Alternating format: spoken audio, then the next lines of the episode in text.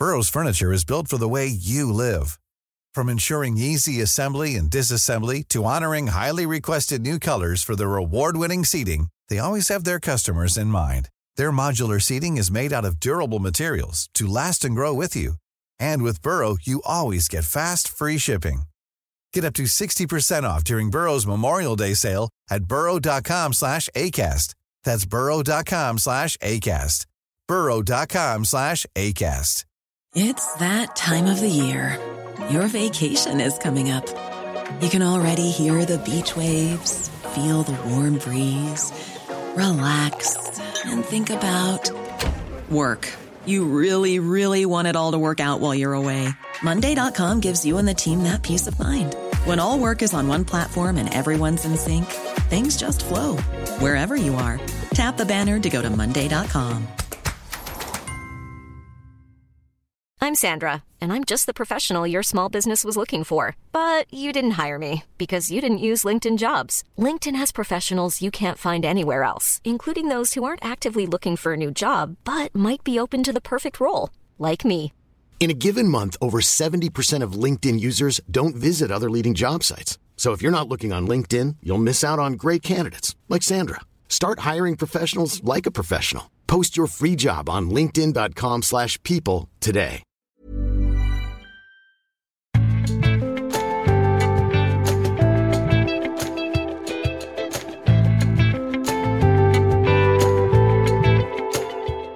Hvor skal de kristne lederne komme fra? Dette er Tore og Tarjei, en podkast fra dagen.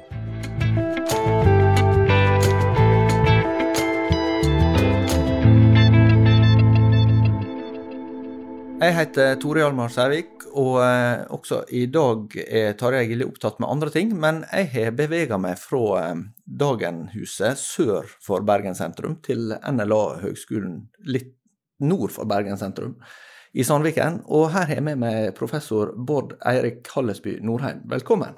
Tusen takk. Du kommer nettopp fra eh, undervisning om kristent lederskap, stemmer ikke det? Det stemmer. Jeg har undervist i hele dag eh, førsteårsstudenter om eh, hva det vil si å lede i kristen kontekst, og spesielle utfordringer knyttet til det. Eh, Jeg tror jeg intervjuet deg første gang da du eh, hadde fullført ditt doktorgradsprosjekt, som faktisk handler om kristent ungdomsarbeid. Det stemmer. Jeg tror det må nærme seg 15 år siden nå. Ja, i hvert fall 10. Ja, iallfall ti. Ja. Eh, og, eh, og det betyr at du har lenge vært interessert i både eh, selvsagt generelt kristent arbeid rettet mot ungdom, men også da rekruttering av ledere. Absolutt. Og du har også erfaring som misjonær fra Estland. Ja. Eh, og du er jo kanskje den eneste som også har hatt ektefellen din som gjest i vår podkast. Den blir Kjersti Ja, jeg har ikke full oversikt over uh, gjestelisten deres, men det stemmer at hun var gjest før meg. Ja.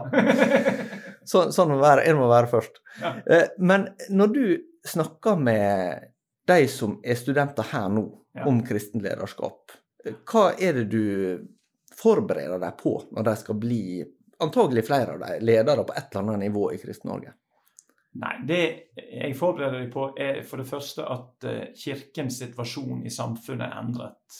Og eh, jeg eh, pleier å gi de tre a-er, altså tre ord på A, som jeg syns de må merke seg særlig for å forstå hva situasjonen lederen går inn i. Og det er autonomi, autoritet og autentisitet. Jeg skal ta det bare veldig kort. Autonomi handler om det rådende på mange måter menneskesynet, at vi blir i kraft av det vi velger.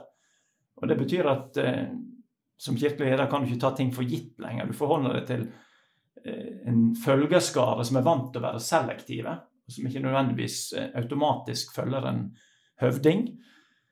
Eh, autentisitet handler om at det skal oppleves ekte. Det er på en måte følelsessiden dette. at Hvis noe er sant, så er det sant fordi det føles ekte. Eh, litt sånn eh, kort sagt. Begge de to første her er på en måte hentet fra moralfilosofen Charles Taylor. Men autoritet er det interessante. Altså Der en i større grad før kunne si at nå kommer presten inn og sier noe, og sånn blir det, så må på en måte autoriteten nå skapes ved hjelp av frivillig tilslutning. Så at folk liksom sier ja, dette var en overbevisende historie, dette vil jeg tro på. Jeg vil høre på denne presten eller pastoren eller ungdomsarbeiden, kateketen, kantor eller eh, past, ja, hva det skulle være. Så du er, du er liksom Det er mer element av forhandling for en leder. Den må liksom eh, framstå interessant og valgbar. Og hva er det som gjør en leder interessant eller valgbar? Det vil jo avhenge av situasjonen, vil jeg tenke. Eh, vi ser jo ofte etter forskjellige ledere. altså nå har Vi nettopp, eh, eller ikke nettopp, vi har lagt bak oss en pandemi. og En del av de som framsto som ledere der, hadde jo visse kvaliteter med å utstråle ro og framstå saklig og gi tydelig informasjon om det vi lurte på, og kanskje signalisere noe om hvordan veien går videre. Og så tenker jeg at den eh, krisesituasjonen som vi står oppe i nå Det var ikke så mange som inviterte militære eksperter inn i pandemien, altså nå plutselig kan vi på fornavn med forskjellige forskere og militære eksperter pga. at en krig har rykket helt nær. Så det, det tenker jeg at eh, det, det, det, er situasjonen som påvirker hvem vi lytter til. Eh, og jeg tror at det helt avgjørende for en leder er at du er i stand til å beskrive den virkeligheten folk opplever, sånn at den folk kan nikke og si at dette er troverdig. Eh, denne virkelighetsbeskrivelsen kjenner jeg meg igjen i. Det tenker jeg gjelder også for en leder som skal forkynne. Eh, vi kan godt eh, tenke at vi har med oss et skjema av lov og evangelium i evangelisk-luthersk kontekst, men hvis ikke beskrivelsen av lov treffer noe som har med folks liv å gjøre, hvis ikke evangeliet finner feste i livet, så lar ikke folk seg overbevise, tenker jeg. Det må henge sammen med ja, virkelighetsoppfatningen. Du var inne på at eh, kirka sin posisjon i samfunnet endrer. Kan du, kan du utdype litt hva du ser som sentrale trekk ved å forstå kirka sin Og da tenker jeg Den norske kirke, er jo en greie av det, men da tenker jeg hele kirkelandskapet. Hva, hva er det som, som er annerledes eh, sammenlignet med altså, da du sjøl var, var tenåring, f.eks.? Ja. Jeg tror en grunnleggende forskjell er at når kirken før på mange måter var selvsagt, om det var Den norske kirke eller andre, så var var en, du hadde kristendom i skolen, du hadde hele dette her, så var det også på en måte kjedelig. Eh, og eh, når det ikke lenger er selvsagt, så kan jeg kanskje forenklet sagt at det er blitt eksotisk. Eh, og når noe er eksotisk, så har du to muligheter. Det er enten veldig spennende, altså eksotiske retter, så det gir jo noen nye muligheter. Men det kan også være farlig. Så jeg tenker at dette fører til to ting for det som har med kristendom å gjøre. Det ene er berøringsangst i det offentlige rommet. Eh, altså Religion og kristendom er blitt farligere. Det skal eh, noen vil si at det skal være livssynsnøytralt. altså Vi har nettopp hatt saker på det i forhold til offentlighetens frykt for det. Men det er også en mer eh, spennende side ved dette, nemlig at folk blir nysgjerrige på dette eksotiske. Så Det var jo min store oppdagelse som misjonær at det å møte ungdommer i et eh, supersekularisert Estland var ikke så forskjellig fra å ha konfirmanter på det sentrale Østlandet. Eh, mange hadde ikke referanserammer, så derfor så var en nysgjerrig på denne troen. Og særlig praksissiden av troen. da. Eh, og nå tror jeg den nysgjerrigheten også med en sånn apologitikk og andre typer interesser, også kanskje en intellektuell nysgjerrighet, enda mer enn det var for f.eks. ti år siden. Så jeg, jeg, tror at det er muligheten, denne eksotiske, altså overgangen fra kjedelig til eksotisk, gjør at eh, når vi er på torget med troen, altså som kirke og som kristne, så må du tilnærme deg mer sånn som Paulus gjorde i Areopagos.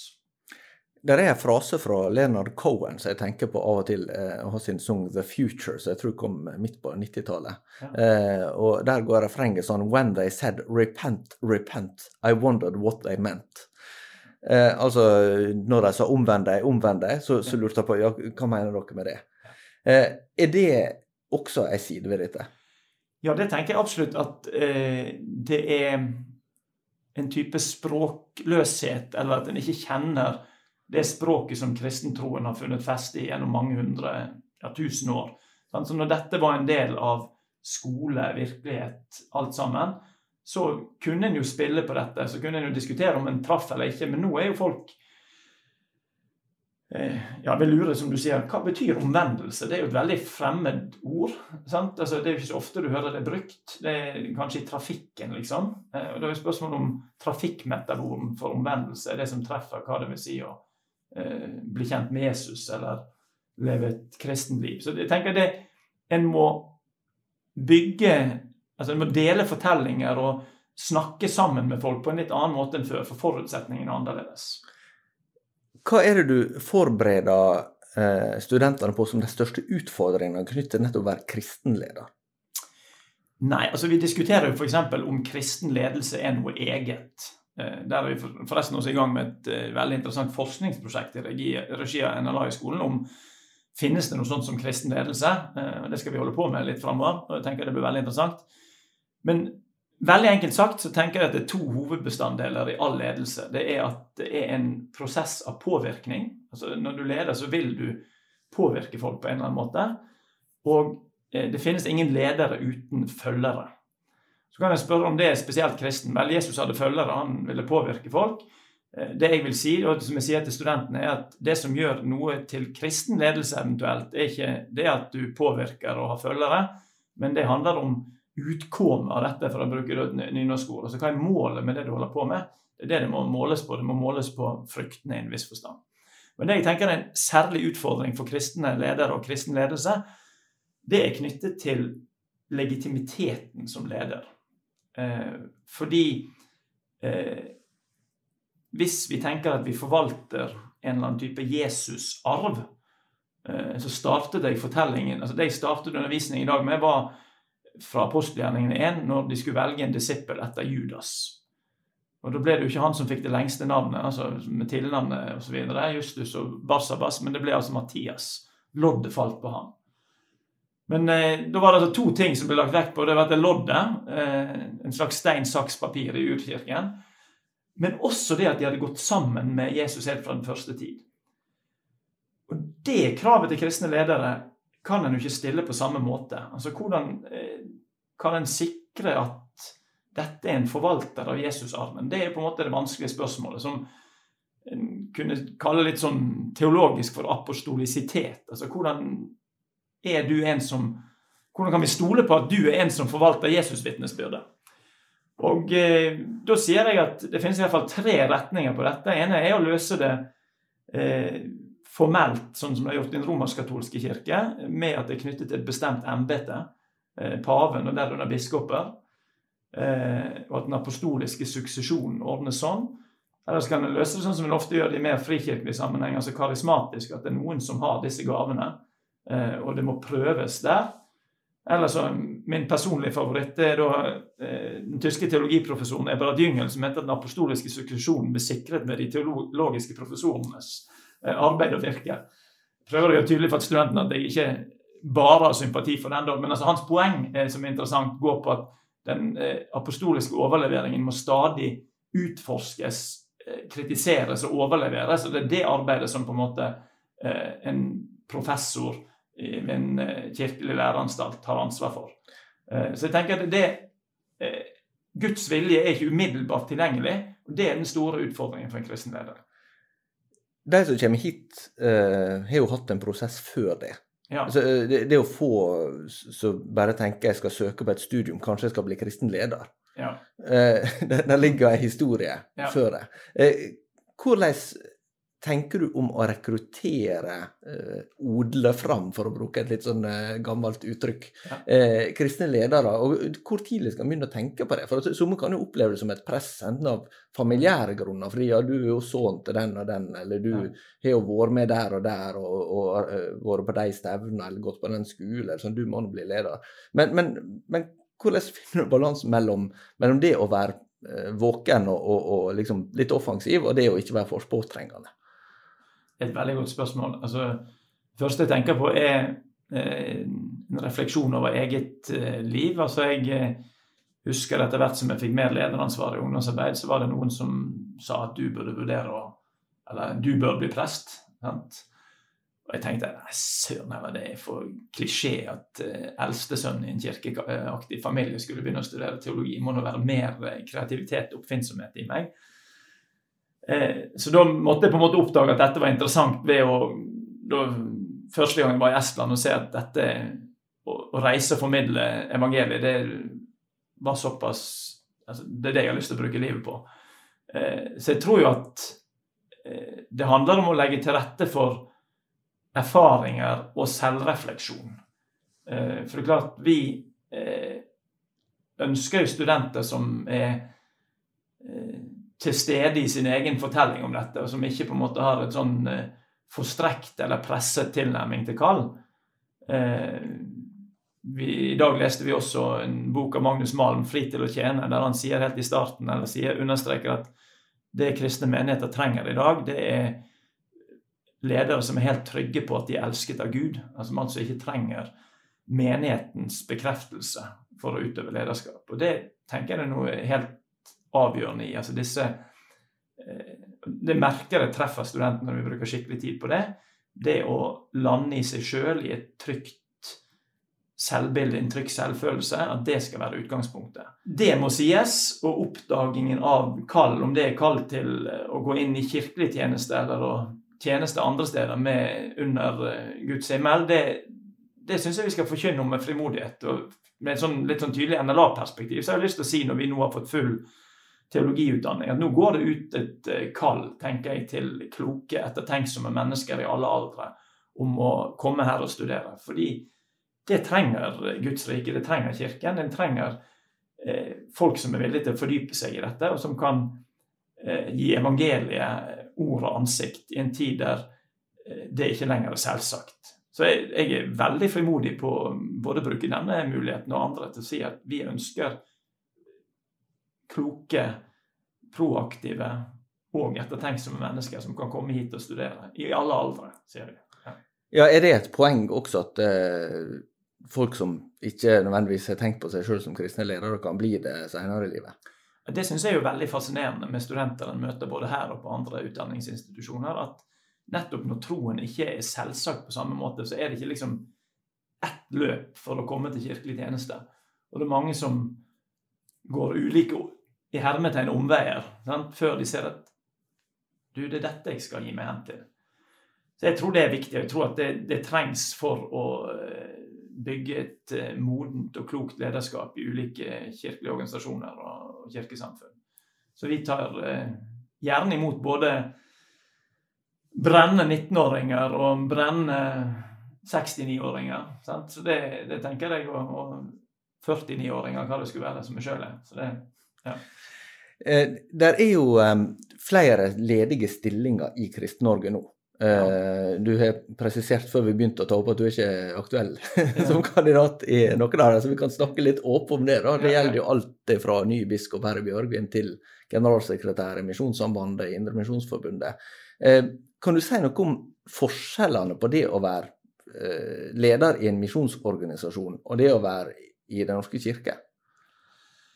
Hva ja, det, du, du sier til studentene som ja, hva du si til studentene? Det, det er klart, De er jo nysgjerrige på dette. og det vi bevisst så ønsker vi å gi folk praksisutfordringer i begge disse typer kontekster, eller i flere typer kontekster, både frikirkelig, mer organisasjonskontekst og Norske kirke. Vi ser at mange av de, mange av de fortellingene om folk som modnes underveis i studiet, er det nettopp folk som lar seg utfordre i kontekster utover det de har vært vant til.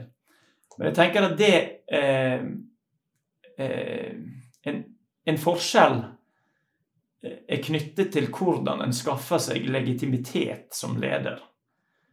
Eh, og eh, hvis en tar Misjonssambandet først, da, så eh, i hvert fall det som framgår i den offentlige debatten om dette, så er det spørsmålet skal det være noen med i hermetegn partiboken i orden, altså noen som har vært misjonær for Misjonssambandet, som har studert på Fjellhaug, og som kanskje har enda flere av disse sambanditt-tegnene på plass. Eh, og Det kan være at en trenger det for å få den nødvendige legitimitet i en såpass samkjørt og stor organisasjon. Men samtidig så kan en også spørre seg om det da, i den krisestunden som Misjonssambandet ser ut til å stå overfor, om, om det er noen kapasiteter en da kan gå glipp av, som en som kom litt mer utenfra, kunne hatt. Eh, men det, det handler igjen om lederens etos, altså opp, de karaktertrekk som lederen, det blir oppfattet at lederen har, som gir det handlingsrommet som lederen kan handle innenfor. Og I retorikken så snakker vi om forskjellen på autoritas og potestas. Potestas er den makten du har til å det kalles for sånn red button authority, altså de tingene du kan tvinge gjennom. Og Det er ikke så veldig interessant. Det kan du jo gjøre. Av og til må du gjøre det. Av og til må du si opp noen, av og til må du si at 'jeg har det siste ordet, og budsjettet blir sånn', liksom. Eh, når det stort sett styret som avgjør det. Men det mest interessante er jo den autoriteten du kan skape deg gjennom å vekke folk frivillig til å slutte seg til noe. Det gjelder også for, både for en generalsekretær eller for en biskop i Den norske kirke. Selv om du har noen eh, sånne protesters eh, sånn formell maktting i skuffen, så er det mest interessante hvordan du kan skaffe deg legitimitet til å oppfordre til etterfølgelse, hengivenhet for et formål som du tegner opp. Og det jeg tenker For Den norske kirke sin del så handler det jo i stor grad om å eh, både snakke opp arven, altså den, den sterke tradisjonen som norske kirke forvalter, men også være radikal nok på situasjonsbeskrivelsen og ta inn de endringene som er. At Den norske kirke mange, på mange måter befinner seg i en situasjon der du må gjenoppdage folket du er sendt til. For de kommer ikke automatisk til kirken. Så Det, det tenker jeg er en sånn eh, grunnleggende utfordring for de som skal være biskoper eller andre ledere i Den norske kirke. At du må gjenoppdage betydningen av folkekirken. Kan ikke lene seg til at folk kommer av seg sjøl. Eh, du må eh, være tett på evangeliet og tett på folket på en annen måte enn før. Når eh, du beskriver egentlig ganske utfordrende situasjoner i, i eh, å, lede, å, være kristen leder, hva er det som skal motivere folk til å være Nei, altså Det er et godt spørsmål. Jeg tenker kanskje sånn at eh, en undervurdert motivasjon i kristen sammenheng er jo rett og slett sånn eh, Det går an å blankpusse sider ved plikten. da. Altså Noen må stille seg under dette åket som det er å ta ansvar for en, eh, en flokk. Eh, og det er ikke sikkert gjøre, hvor lenge en skal gjøre det. Det kan jo variere litt fra situasjon til situasjon. Men tenker at en motivasjon også i kristen sammenheng som vi også diskuterte i dag med studentene, er trofasthet. Altså, vi så på at nettopp i folkevandringstiden på 400- og 500-tallet i Europa, så var det også klosterbevegelsen vokste fram. Og munkenes svar til stor omskiftelighet var 'jeg blir her'. Eh, og jeg tenker kanskje at en, et viktig signal i organisasjoner der det å gi seg hen til noe som er større enn seg sjøl, som det, det tro handler om, da trenger du en, både en kultur av trofasthet og en ledere som sier at her, jeg blir her en stund. Eh, og Da tenker jeg ikke bare på toppledere, men tenker også på andre ledere. Da er det ikke sikkert at bare sånn eh, superbensin og raske ting er det som skal til for å vekke. At eh, trofasthet er faktisk en viktig motivasjon. Og så tenker jeg jo at for de som har mer sånn gründergener, så er det en kjempespennende tid. Altså dette Når det er eksotisk, så er det noen tilnærminger til folk. altså Det som før var kjedelig, kan en nå eh, snakke om fra en helt annen vinkel. Du får helt andre samtaler enn før. Så jeg tenker det er kjempespennende å gå inn og ta lederansvar i denne tida, altså.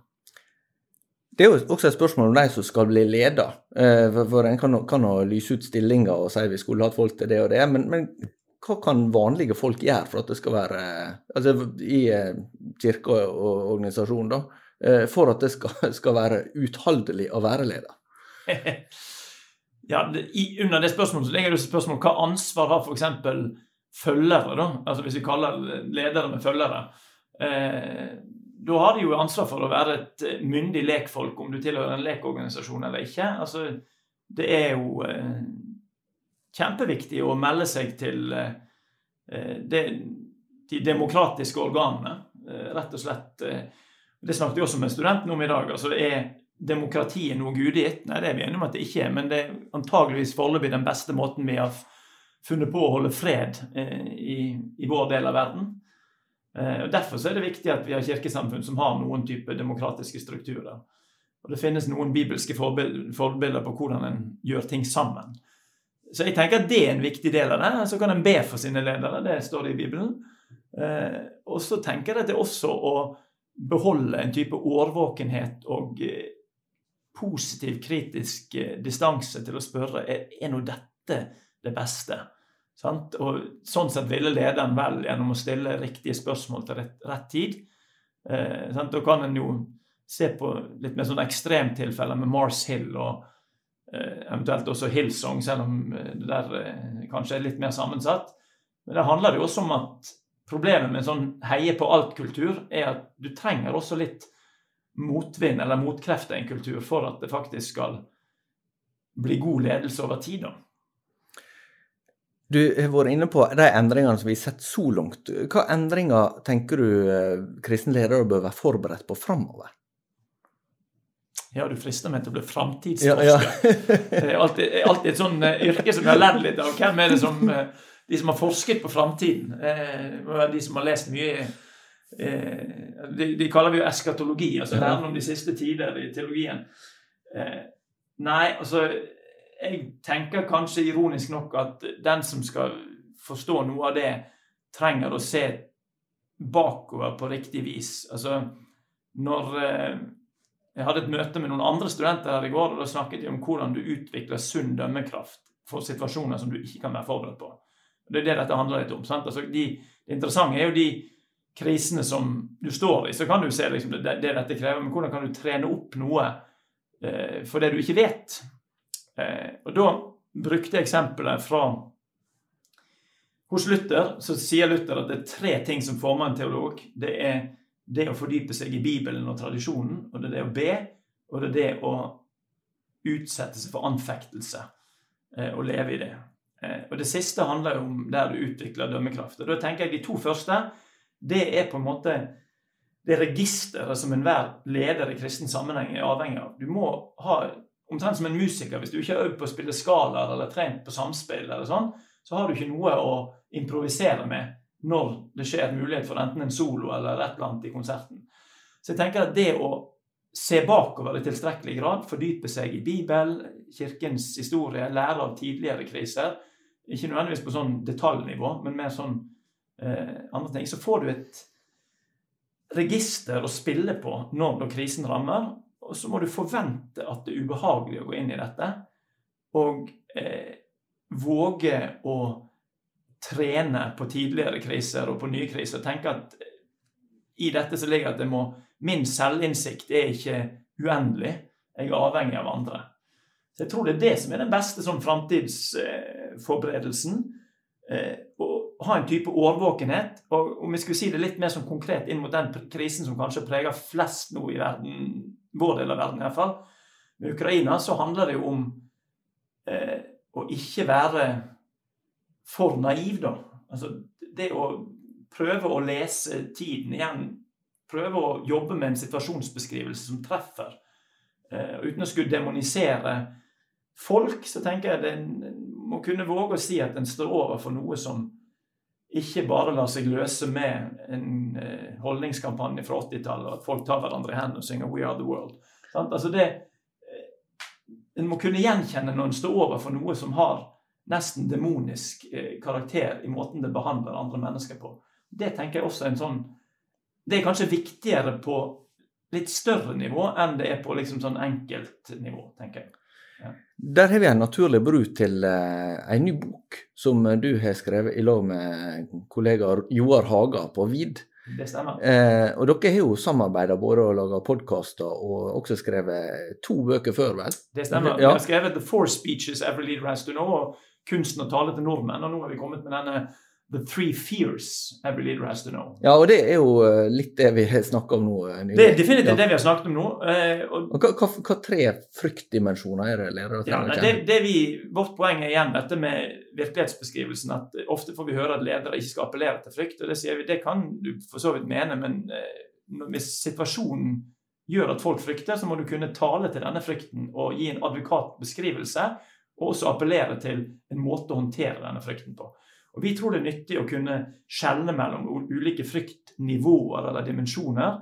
Og Den apokalyptiske frykten er på en måte den mest alvorlige. Det er frykten for at hele verden skal gå under.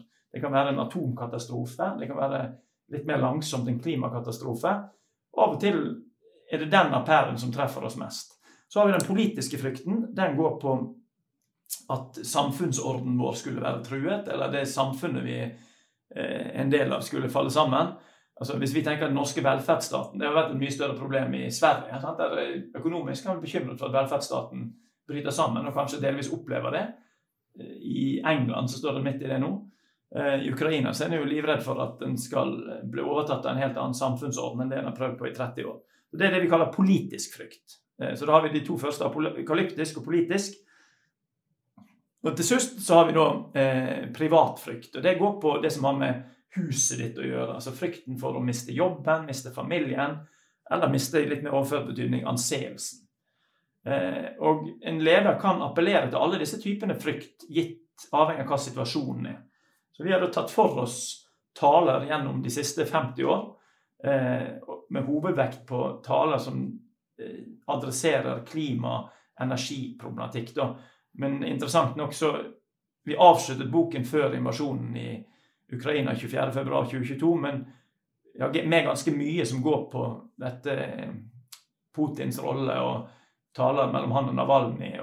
så På en måte så skrev vi en bok som vi ikke så for oss at skulle bli så aktuell som den ble. Så det, det, det var nesten litt skremmende, må jeg faktisk si. Ja. Du nevner apokalyptisk frykt, og det er jo et bibelsk begrep, det det, egentlig. Ja, ja. Eh, hva frykt er det som særlig er aktuell i en kristen sammenheng? For en, for en, altså jeg tenker da både for en leder sjøl, men også for de en skal lede.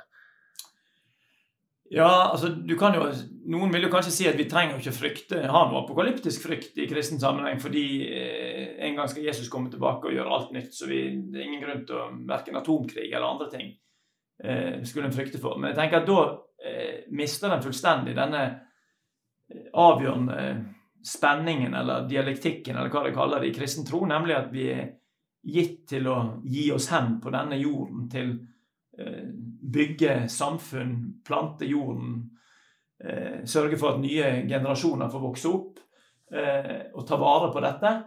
Eh, og så vet vi at vi lever under et løfte om at eh, Gud en ting, gang skal gjøre alle ting nye. Så jeg, jeg, tenker at den frykten der bør være særlig alvorlig for eh, kristne. Altså vi forvalter forvalteroppdraget. Eh, en eh, bør minne oss om at eh, frykten for et klima som en natur, en klode som bryter sammen, tenker jeg er det all grunn til å ta på største alvor til slutt så, så, er det jo også et spørsmål du nevnte eschatologi også tidligere. Ja. Det, det, med endetid, Jesu gjenkomst, eh, sånne ting, er jo eh, i Bibelen beskrevet som et håp. Ja. Grunnleggende. altså Jesus sier det når eh, disse ting begynner å skje, så hodet dere for eh, dere forløsningsstunder til. Ja. Eh, men det er jo for mange så forbundet med veldig mye frykt å tenke at eh, historien skal ha en slutt sånn som vi kjenner den. Ja, eh, det er det nok. Og det har jo noe med hvordan dette har blitt brukt å gjøre. Altså, jeg, altså, Der finnes det jo både komiske og mer alvorlige utslag av det. Eh, og i en del tilfeller så er det nok et forsøk på å ta det bibelske budskapet på alvor. Eh, men der tenker jeg at ja, Hvis en leser Johannes' åpenbaring, så må en lese det nettopp som den type bok det er. Men jeg har lyst til å ta tak i noe annet som har med apokalyptisk frykt å gjøre, og som kanskje er en slags frihet for ledere. Vi jobbet jo i Estland som misjonærer, og der hadde Den estiske kirke som et av det første punkt i sine grunnregler at den dagen Jesus kommer igjen, så legger han ned sin virksomhet. Eh, og For meg var det veldig vakker, den beste paragrafen. For det var et sånn, eh, en sånn selverkjennelse på at vår, vårt virke er begrenset. Det var ikke sånn som enkelte har sagt om andre kirkelige institusjoner, at de skal først bruke opp budsjettet. Ja, det, det kan du si. Men det kunne du også sagt. Men, men poeng, jeg tenker det er faktisk noe viktig å si at vi har, da erkjenner du begrensningen i det lederoppdraget som du holder på med her. Vi lever under en sånn at vi ikke har absolutt innsikt i Guds vilje. og En dag skal vi se ansikt til ansikt. Eh, og jeg tenker ledelse som eh, starter med det, eh, den har større mulighet for å lykkes som kristen ledelse, nemlig denne forståelsen av at vi lever i en viss forstand i anfektelse. Vi må kjempe med hva som er rett. Eh, og eh, sånn kan selvinnsikt vokse, som er nødvendig for å utvikle kristen ledelse. Takk skal du ha, Bård Eirik Hallesby Norheim. Eh, og for de som lurte, så kommer altså mellomnavnet fra Eh, samme slekt som eh, Ole Hallesby, som var jo en meget kjent eh, teologiprofessor for ja, nesten 200 år siden. Ja da, det var oldefar. Ja. ja. Vi høres igjen neste uke.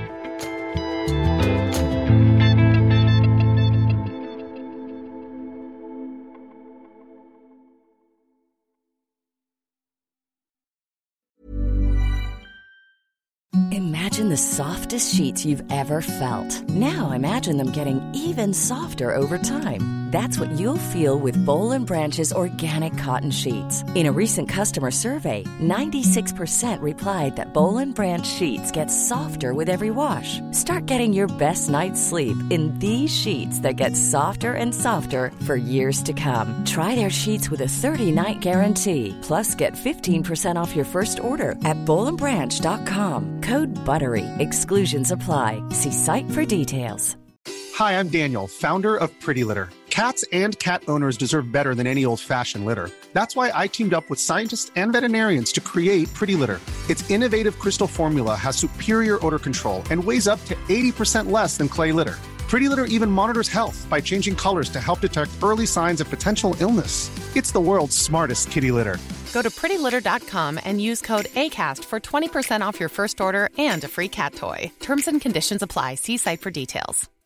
When you make decisions for your company, you look for the no brainers. And if you have a lot of mailing to do, stamps.com is the ultimate no brainer. It streamlines your processes to make your business more efficient, which makes you less busy. Mail checks, invoices, legal documents, and everything you need to keep your business running with stamps.com. Seamlessly connect with every major marketplace and shopping cart. Schedule package pickups and see your cheapest and fastest shipping options from different carriers. With rates up to 89% off USPS and UPS rates. And with the Stamps.com mobile app, you can take care of mailing and shipping wherever you are. Make the same no-brainer decision as over 1 million other businesses with Stamps.com. Sign up with Code PROGRAM for a four-week trial, plus free postage and a free digital scale. No long-term commitments or contracts. That's Stamps.com. Code PROGRAM.